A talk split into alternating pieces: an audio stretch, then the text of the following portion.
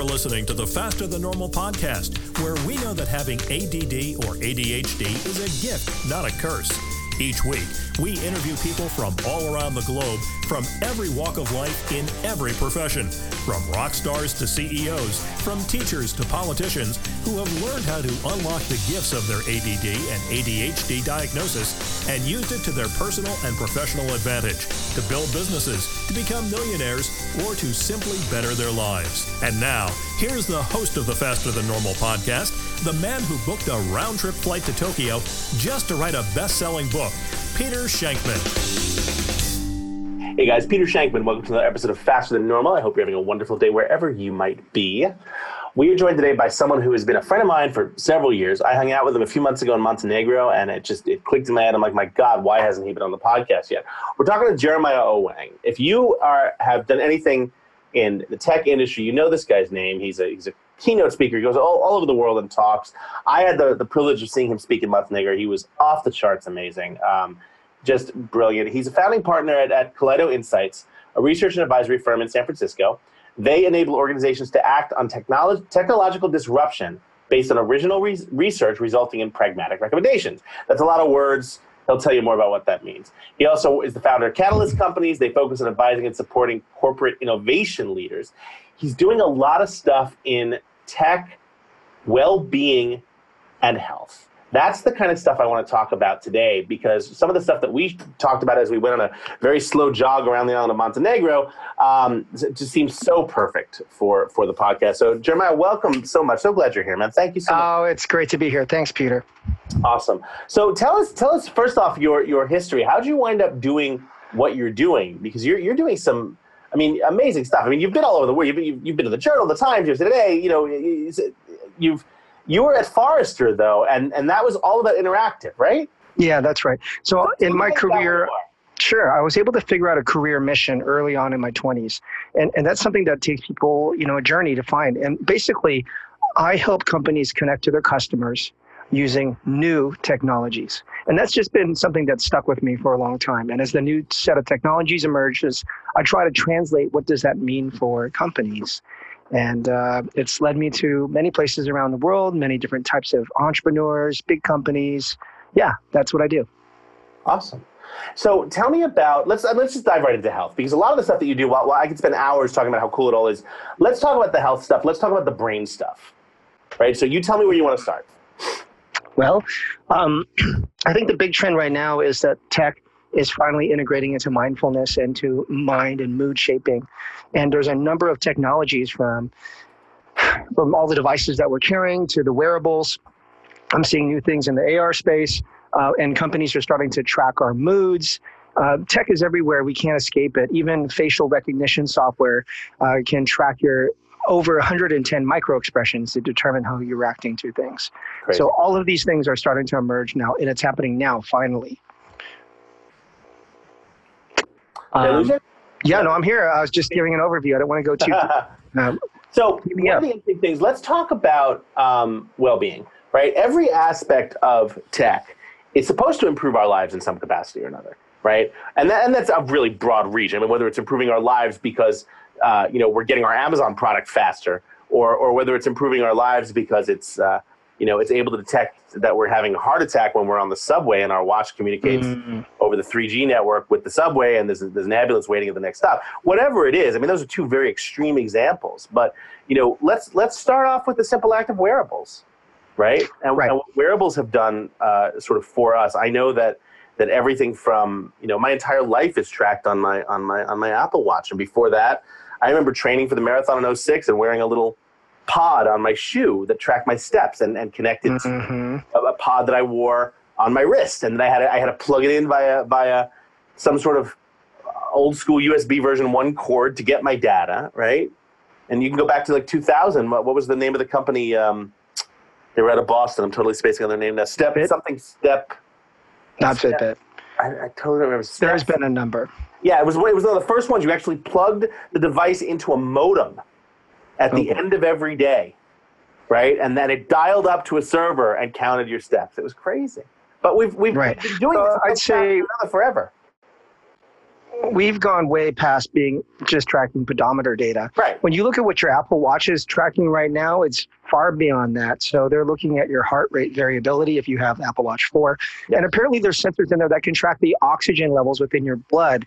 Um, and then combining that with your movement and your sleep data, they can see are you actually healthy. And, and, when you combine all of this data plus whatever's out there in social networks, and then the ambient systems like that are listening to you, you might have Alexa set up if you could combine all these data sets, they can really determine your health and your wellness. And and I've been uh, experimenting with this idea. How much will people pay to find out what would be your death date? And I think the tech companies will actually know that up to maybe a month when you look at historical data in just a few years. Wow. How much would you how much would an insurance company pay to find out your death date? I think this is this could all be done. I mean, actuaries do this in insurance companies in a very analog way, looking at historical data. Right. With very high level information that you fill out and then a brief medical uh, thing that you might do once just to get your insurance info or you're one time getting you once a year people go and get their physical from their doctor with lab tests but the difference now is that these tech companies are getting this data 24 by 7 and and they can compare this data to other in your case white males that are t- taking care of themselves and see peter is managing his health and his wellness and look at all the things that he's doing so i actually think that's what is going to happen these tech companies will know how long will we actually live uh, aside from any um, unforeseen circumstances that are not related to um, your wellness emerge what let's do you think? Back, let's tie it back a little to neurodiversity. One of the things about neurodiversity, we talked about this in our run, is that is that a lot of us have you know the, the potential to really we go all in and, and work our asses off and, and drop the weight and feel great and get healthy and get mm-hmm. strong and all that or we don't do anything we sit on the couch and and, and you know and and and mainline Ben and Jerry. I've been in both camps. Exactly, you and me both, and we talked about that. Um, at what point do you think the the devices that we're wearing or the info the things we have in our house or the things that are the internet of things are going to connect to us in such a way that we get a notification from you know our insurance it says hey just fyi you know haven't worked out. insurance is giving you based on the fact that you're going to work out three times a week. It's been two weeks. Uh, checking in on you, everything okay? You know, or, or maybe it's even not that that big of a question. I like to relate it to financial because at the end of the day, you know, money makes the world go round. But I notice that I am uh, trying to be as active as humanly possible every single day because I have to keep my streak alive, right? So let's just start there. Let's start mm-hmm. the premise of, of that of that of that streak. How are devices helping us for lack of a better word, I don't just want to say get off our ass. I mean it from a, a more mental perspective. How are the devices training us to understand that being healthier is better? You know, it's a good thing and a bad thing, right, Peter? It's we're becoming hyper aware to our activities, but at the same time, we're starting to become a little paranoid. Uh, for example, the 10,000 steps is an arbitrary number designed by a Japanese company. It, it's a synonym. It's it rhymes with like moving, but we never needed 10,000 steps because it should vary by individual and right. by age, right? So that's just an example. We're becoming hyper aware like oh my gosh look at my heart rate variability. It's only a 10 today. I better sleep another hmm, let's see 17 minutes and a half. And my caloric level is a little down. There goes my glucose. Oh my gosh i'm blinking too much. Right you know and, and look at the air quality. It's an api or, i'm sorry um, the, the, the score of my air quality is getting into the yellow zone. That's not good. I, I better change my workout and go into the gym. How am i going to do that? Oh i need a class pass because i can't go to my regular outside place oh my god it just goes on and on. So we need to temper ourselves right and not fall into this uh, this tracking too deep. And now going back to your comment about who would alert you that you haven't worked out i don't think it's in the insurance company's best interest. I think it's going to come from the tech companies who are really starting to become like our quote personal slash fitness trainer slash physician slash dietitian it's coming there from the tech companies. And i think that's the big shift. So when we think about this next recession that is supposedly looming people in america may lose health care coverage and they may lose access to their primary care as they lose their employment. Where are they going to turn first and if you look historically back in the last patterns of recessions, in the sharing economy, that birth in the recession, people turned to tech to get what they needed and to rent out their homes and get cars that they didn't have access to. And then before that, social media birthed also in a recession as well in 2001. 2004 is when like Facebook and the social networks emerged. So you can see these in recessionary periods. People turn to tech, the low cost, trusted thing that's already on their bodies. Right. Now, of course, this is leading to a, a disaster too, because if you've seen the way that the tech companies behave, and I'm here in Silicon Valley, it it, there's a lot of questions around ethics, right? We saw that Europe fined them five, uh, Facebook five billion dollars two weeks ago for the use of data being exploited. And you can see this trend. Do we really want the Apples, Amazons, Googles, and Facebooks having this much information around us? And that's another question to be asked and answered. But wouldn't that question also involve us not being willing to give that information. Let's face it, Facebook's rise from college event to things that the thing that adults use every single day, if not multiple times a day, was simply because you know, holy crap, I can keep in touch with my friends. I can save one percent of my mortgage. I can do it. Of course, I'll give away as much. You know, we we complain about privacy, and in the very same breath. Go online and upload every freaking photo of our face ever, and then upload photos of what we're going to look like in 50 years, which happens to work really great for face recognition. Yeah, that that is scary. So we're not aware of how this information is being used, and there's a number of apps that we're using for health, and we don't even know it. Uh, so you can listen and read podcasts about dealing with the apps, and there's a lot of concerns where this data. And you're talking about that that face app that predicted what you look like, and they were selling that data of. Of course. Yeah, that's. But I mean, there's already photos of you and I already out there, like of in, course. Uh, it's it's almost inevitable that the facial data is going to be seen. Would you uh, for agree- example I'm sorry. Go ahead, please. I was in the Amazon Go store in San Francisco last week, and they have. If you if you have you been to one in New York? Perhaps? No, not yet. It's on my list. All right. So there there's a lot of bright lights shining down, and in in a way that's to light up the products, of course, but in a way it's to obfuscate all of the cameras. Cameras, of course. Yeah, there's hundreds of cameras, and if you look at their dual cameras, um, they're like one inch apart on these devices, and it's in order to do depth perception. And so they're looking at your facial eh, data in high resolution, and they're seeing how you're reacting to different products. So who has that data? Where is that data? You know, you signed the terms of service when you install that app, but nobody read it. So that's just an example of how that information Wow. is, is so out there. I mean, how detailed can it get? Your retinal data? But you know what's fascinating about that? So let's let's two points. Let's talk about retinal data. Um, back in 2006, five, I signed up for Clear when they first came out. The clear card, yeah. the Clear card, right? To, to, to scan your eyes, eyes and get your security. Then they went out of business, right? Now they're back in business, but Right. it's a different company. What the hell happened to my retinas between the first and second company? Where are they now? I don't know that answer We don't know. right? That's the problem is we don't know. Now let's look at the second thing. The Amazon Go store in New York is at 300 Park Avenue. The food is very tasty. There's a wide variety. Great place for quick shopping visits. It's fun to see all these brands on the shelves and just walk out with them.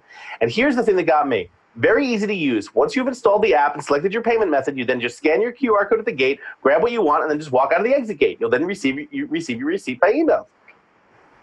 I, I, I mean, as easy as that sounds, holy crap! I mean, they're watching us. Our phones are telling where we, I mean, it's it. This is it. This is what we've always joked about was going to happen. Uh, so it comes down to this. Let's go to the macro view. Humans, we're trading privacy and our data for convenience. Yep. And historically, we will lean on the side of isn't day one though. This is not just a tech thing.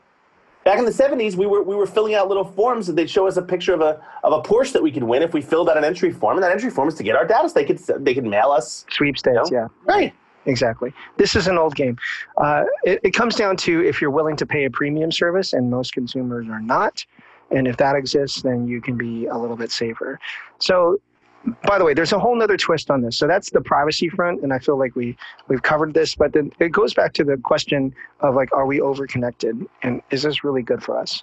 And it is pretty ironic that we are seeing a number of tech unicorn companies in the mind space, like um, that are focusing on mindfulness, like Calm and Headspace, and they're worth over a billion dollars now, and they're receiving hundreds of millions of funding. So now we're also turning to tech to unplug from tech. The irony on that is not unmistakable, and I, re- I really think about that. Like we're over reliant on tech, and that's part of this study that we're doing on this tech and wellness. No, no question about it. Let's um, I want to move over for a second. Um, let's look at trends. What do you see in terms of wellness over the next? Uh, give me a give me a number. Five, ten years. You know, what are what are the kids who are born today? You know, the same way my daughter knows to swipe and knows at six years old. What's going to happen? What are the kids in ten years going to expect to be normal when it comes to health and wellness in terms of the things that you know are they going to be? For instance, uh, when my daughter was born in 2013, I asked um, the doctor jokingly. Um, how old she, you know, when we brought her back for her three day checkup, is that when we chip her?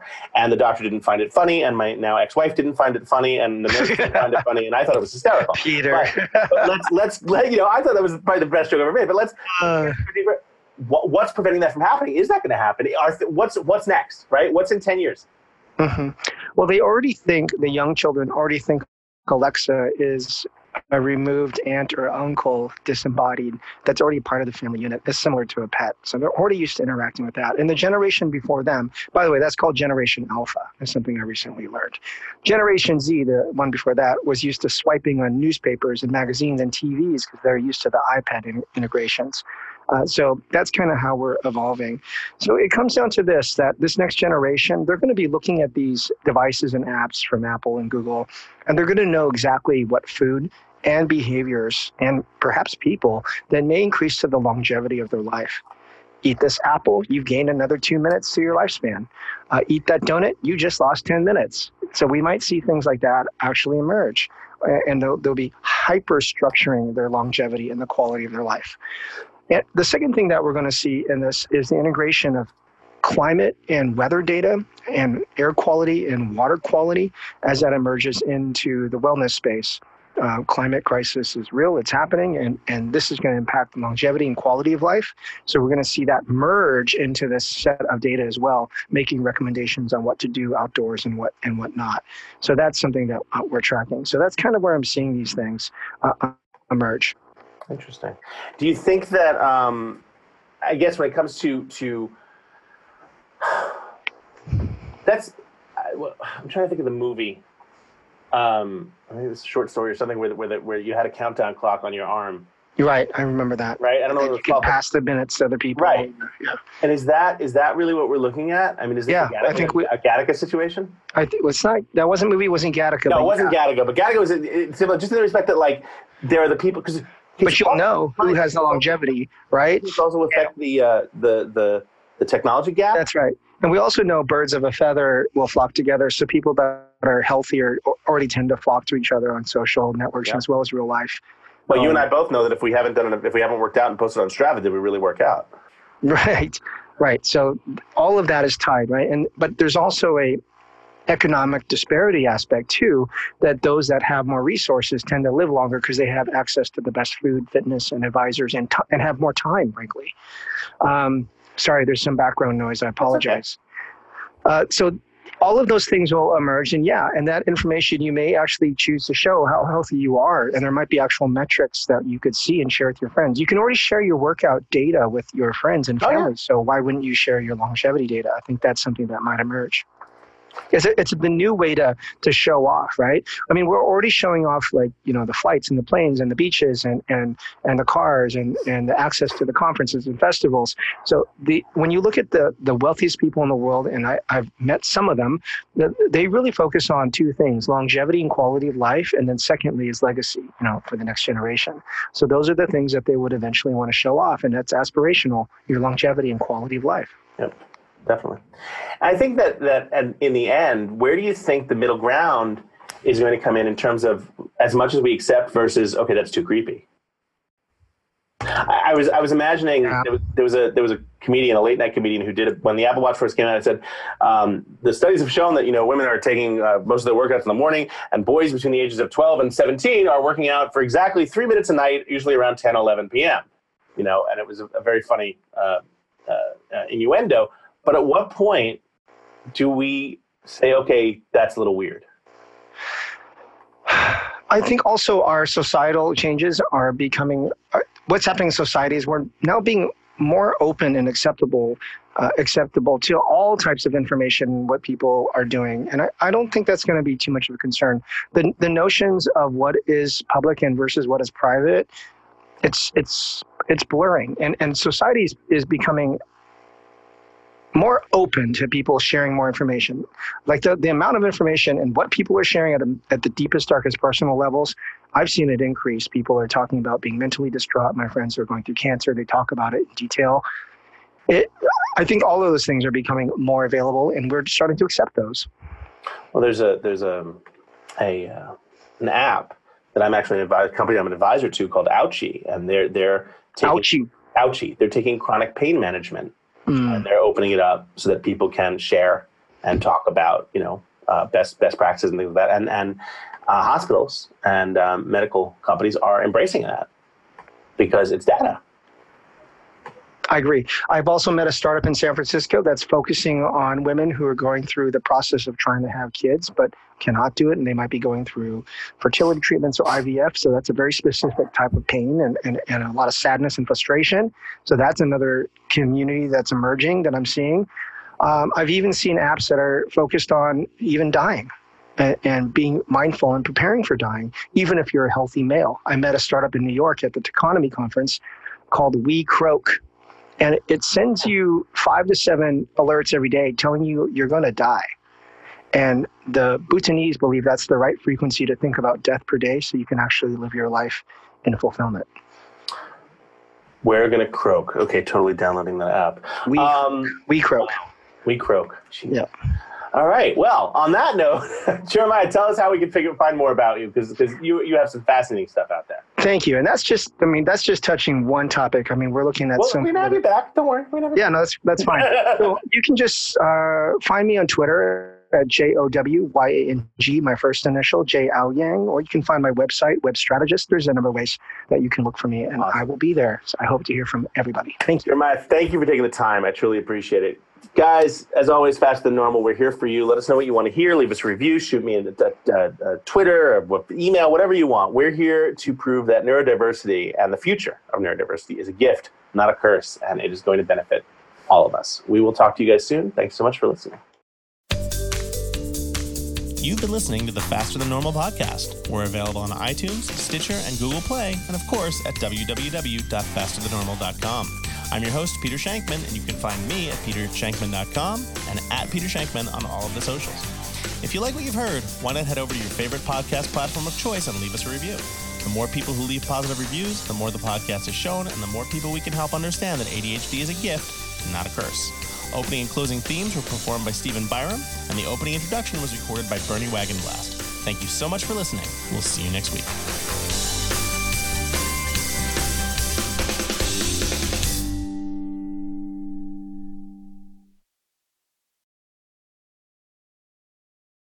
What's spring like in Park City, Utah? Imagine waking up on a bluebird day to ski the greatest snow on earth at two world class resorts, Park City Mountain and Deer Valley. Exploring miles of wide open spaces by snowshoe or cross country skis. Wandering our historic Main Street with its après ski scene and award winning restaurants. When you love it like we love it, Park City, Utah will always be winter's favorite town. Join the experience at visitparkcity.com.